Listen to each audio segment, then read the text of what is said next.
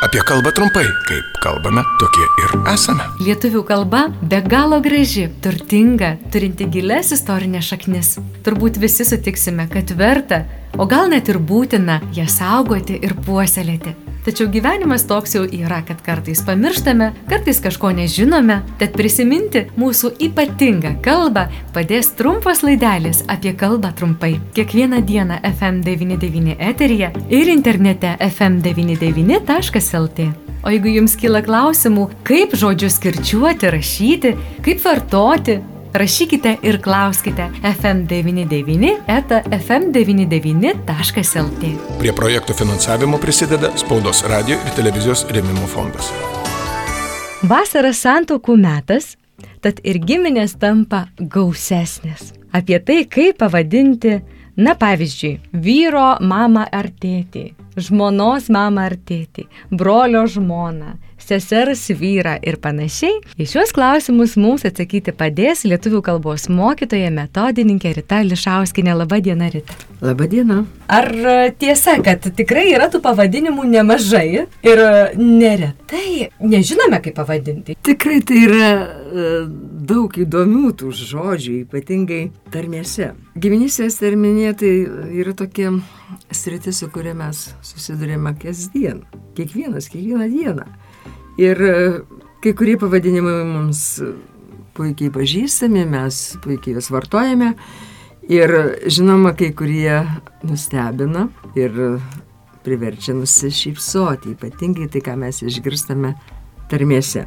Nu, dabar jeigu paminėjote vestuves, vestuvių metas, tai žmona yra tarmėse pavadinama pati, sutuktinė, aišku, šnekamoje kalboje žmona, dar jį vadinama kai kur ir boba, mažybinių žodžių, bobelė.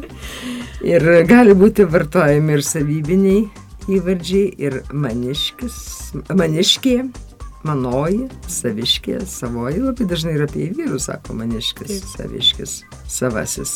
O jeigu kai vestuvėse, tai atsiranda svočia, kas yra tas svočia? Marčios ar žento mama svočia.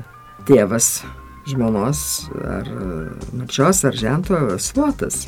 O brolio žmona, brolienė, dėdienė, tai yra jau motinos brolio žmona dėdienė, o motinos brolis dėdė. Tarmėse dar to žodis avynas, bet e, jis tik tai kai kur, bet mhm. mums nėra jis vartojamas. Taip. Daugiau tai yra dėdė ir tiek. Na, o dabar jeigu vyro mama tai Anita, tėtis vyro šešuras. Nu, o dabar e, vyro sesuo moša. Daugiausiai tenka išgirsti. Gali būti tarmėse ir dieverė, ir svainė, ir brolaitė. Daugiausia moša. Tetos vyras. Jis yra tetėnas. Na, o jų e, sūnus, pusbrolis, kaip mes šitą žinom, ir o duktė yra e, brolio ir sesers duktė, pavadinti galime ir vadiname dukterėčią. Mhm. Žinoma, čia susipainiojimai. Tai nėra taip lengva. Ir e, netgi, pavyzdžiui, vyro brolio žmona, ne tik brolienė, bet gali būti ir žentė tarmėse. Ir gentė. Manyčiau, kad to tikrai nereikia. Yra nemažai gražių žodžių, bet mes dažniausiai tokius vartojam, kurie yra įprastiniai.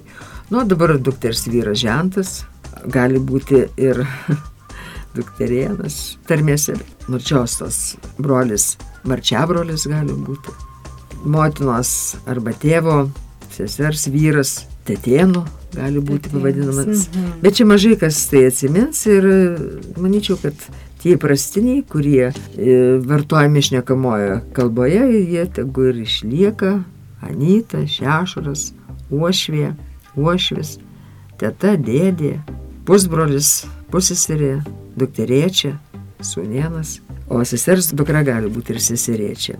O dar priminsiu kelis tokius įdomius žodžius. Pavyzdžiui, be žmonos likęs vyras vadinamas kaip? Našlys. Gyva našlys, jeigu jį paliko. Našlys. Mhm. našlys tada, kada jau palaidoja. Našlė būtų, kada miršta. Taip. O palikta jau gyva našlė. Taigi nedrėtų vyrams palikti gyvą našlių. Nelabai gražiai. Nelabai skamba. gražiai skamba. Geriau tegu būna sutuoktiniai, pagaliau jau maniškiai, saviškiai Bet negyva našlė. ir nebobos. Apie kalbą trumpai. Laidą remia Spaudos radio ir televizijos rėmimo fondas.